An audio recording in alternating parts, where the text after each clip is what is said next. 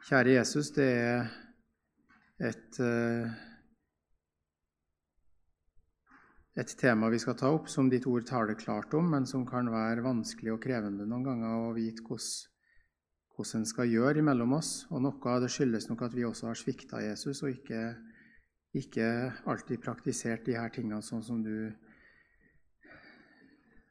lærer oss i ditt ord. Og du hjelper oss, Herre Jesus, også på det området her. og og være lydig mot ditt ord. Og der vi ser at vi i våre sammenhenger ikke praktiserer ting sånn som vi skulle ha gjort, at vi er ydmyke og bøyer oss for deg og lar oss belære av deg, Jesus, og av ditt ord. Amen. Eh, hvis vi skal bare dra en kort forbindelse mellom det private skriftemålet og menighetstukten, så, eh, så er jo på en måte det private skriftemål at eh, at eh, mennesker snakker med hverandre om synden og hjelper hverandre med synden og forkynner Guds ord om syndenes forlatelse inn eh, og gir absolusjon til et menneske i møte med synden.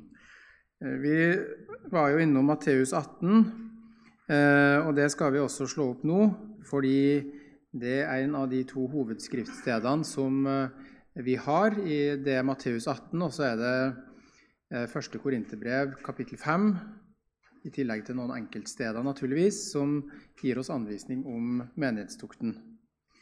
Eh,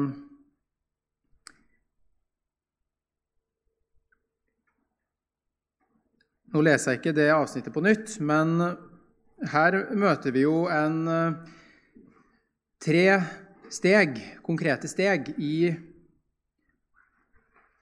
det her med menighetstukt, eller det med at en bror ikke vil omvende seg i møte med samtalen, samtale om synd. Eh, og Hvis en bror har synda mot deg, står det, da skal du sjøl gå og tale ham til rette. Og hvis han hører på deg og omvender seg, så er din bror vunnet. Hvis han ikke hører på deg, så skal du ta med en eller to til og tale med eh, den det gjelder, om saken. Hvis han da ikke hører på deg og vil omvende seg, så skal du legge saken fram for menigheten. Og jeg vil understreke at det her er snakk om menigheten. Det er ikke snakk om et eldsteråd eller en predikant eller noen, noe, noe, organ eller råd eller et eller annet sånt. Det er menigheten. Menighetsfellesskapet på et sted det er snakk om. Det er viktig, og det ser vi når vi også slår opp i i første kor 5 at Paulus eh, skulle samle Paulus i sin ånd skulle sammen med menigheten i Korint kom sammen i én ånd, i Herren Jesus Kristus. I det man skulle støte synderen ut av menighetens fellesskap. Så det er i høyeste grad, når vi kommer til det med menighetstukten, for å bruke det begrepet, en menighetssak når det har kommet så langt som det. Det er en offentlig sak i forsamlingen. Men da skal altså veien være gått først med en personlig samtale, to personer sammen. Ta med noen til. Hvis ikke det går, da skal det være en offentlig sak i menigheten. Det er et viktig poeng i Bibelen med det her. Eh, og når menigheten eh, Når den som har synda, ikke vil høre på menigheten, da står det her både i Matteusevangeliet da skal han være for deg som en hedning og en toller, og i første kor 5 så står det at eh, han skal overgis til, til, til Satan, til kjødets ødeleggelse. Han skal i det hele betraktes som en hedning hvis han ikke vil omvende seg. Før vi eh, ser på noen ting i første kor 5, så vil jeg si noe om bønnens betydning i åndskampen om sjela. For det står her det ordet som jo gjerne blir sitert med anvendelse inn i at det dessverre kom bare to stykker på bønnemøtet. Eh, Eh, at det skulle være et spesielt løfte her for det bønnemøtet hvor det dessverre var bare to, det er jo en spissformulering fra min side, fordi jeg vil bare understreke eh, poenget med hvilken sammenheng det ordet her står i. For det ordet kan vi med all mulig rett anvende inn i, i samtalen der det er to mennesker, en sjelesorgsamtale eller et bønnemøte der det var bare to og tre, og vi skal få ta det her ordet og løfte til oss med full rett og gyldighet. Men den sammenheng som det her ordet først ble gitt inn i, det er eh,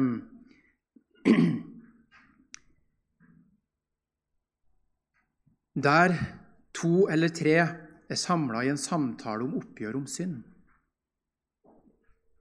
Det er det. Det ser vi jo her. Der er Han midt iblant, og det skal dere få av min Far i himmelen.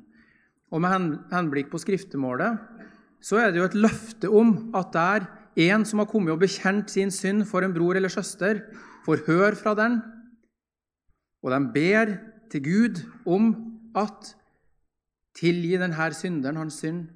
Du står der i Kristi sted og forkynner evangeliet konkret og tilsier syndenes forlatelse inn i den sitt liv. Og det skal du få, sier Jesus her. For det er to eller tre blir enige om å be om. Det skal dere få. Men i motsatt fall så vil ikke synderen omvende seg. Og når dere da ber og samles i én ånd om at denne skal støtes ut fra dere til kjødets ødeleggelse, overgis til Satan, så skjer det.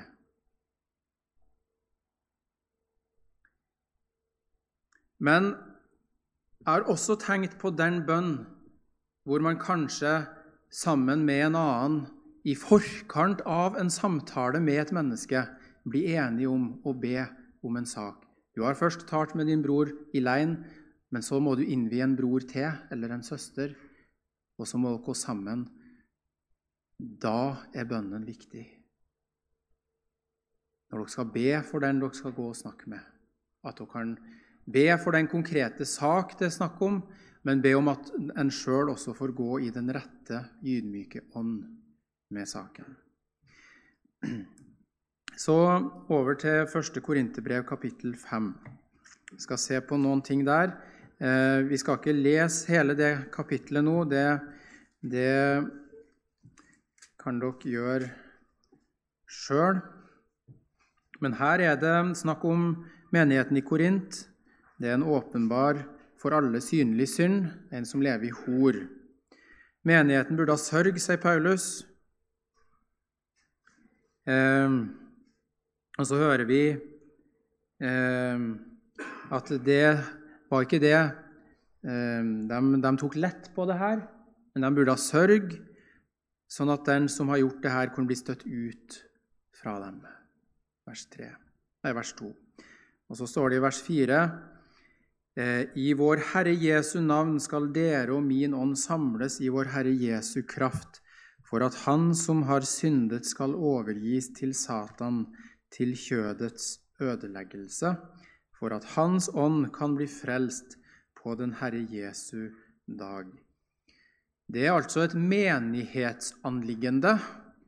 På et eller annet vis så er det noe som hører menigheten til når en bror har blitt talt til rette om en konkret synd og ikke vil høre. Da skal det forkynnes, på et eller annet vis kunngjøres i menigheten, sånn at menigheten som et menighetsfellesskap kan støte synderen ut. For Dette har foregått litt sånn i det skjulte, og eventuelt bare noen ledere i menigheten, noen eldste eller så er det desto lettere for den å, å bruke For hvis det er en ubotferdig synder det er snakk om, og det kan være hen at det har vært påpekt ting som man absolutt ikke vil ha noe oppgjør med, og tvert imot vil brøyte seg fram i menigheten og splitte og herske mellom de troende, så får han eller hun til det. Hvis ikke menigheten er samla i én ånd i den saken. Dette er kanskje noe som er ukjent, litt ukjent for oss, og kanskje noe som vi kjenner det her, det kvier vi oss litt for. og at det kanskje er noe ved det vi tenker at det her virker ubarmhjertig. Men det er uendelig viktig at det gjøres på den måten her. For at menighetens liv ikke skal ødelegges, for det står i vers 6 en liten surdeig syrer hele deigen. Hvis ikke det urene renses ut, så kan hele menighetens liv ødelegges.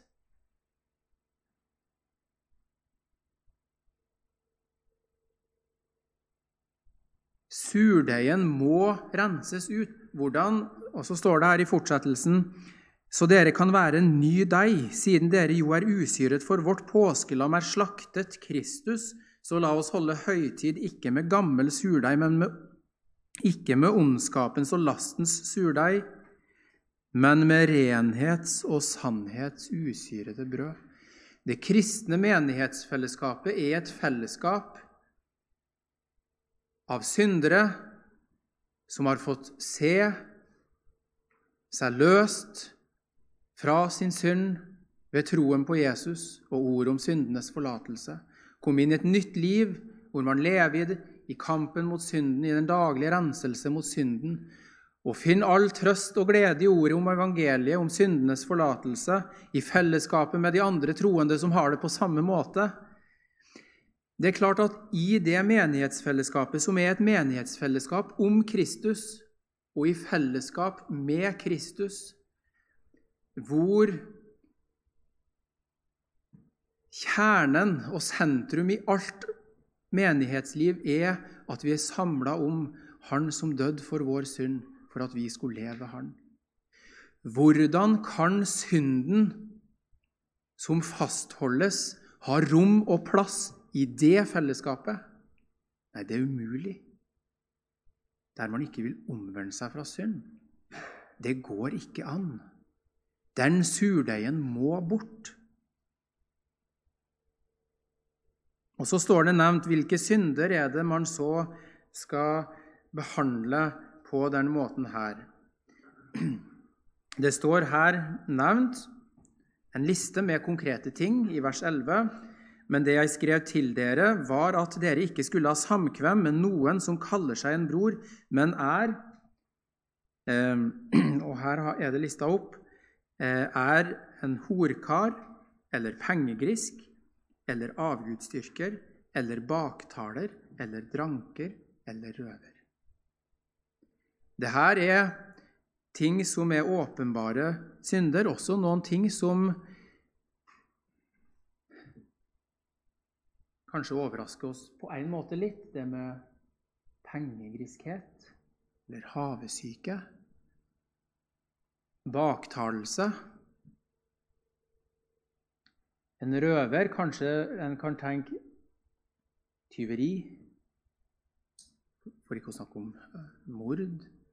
Men kanskje også eh, en her kan trekke inn det som nevnes i Romerne 16-17, dem som volder splittelse.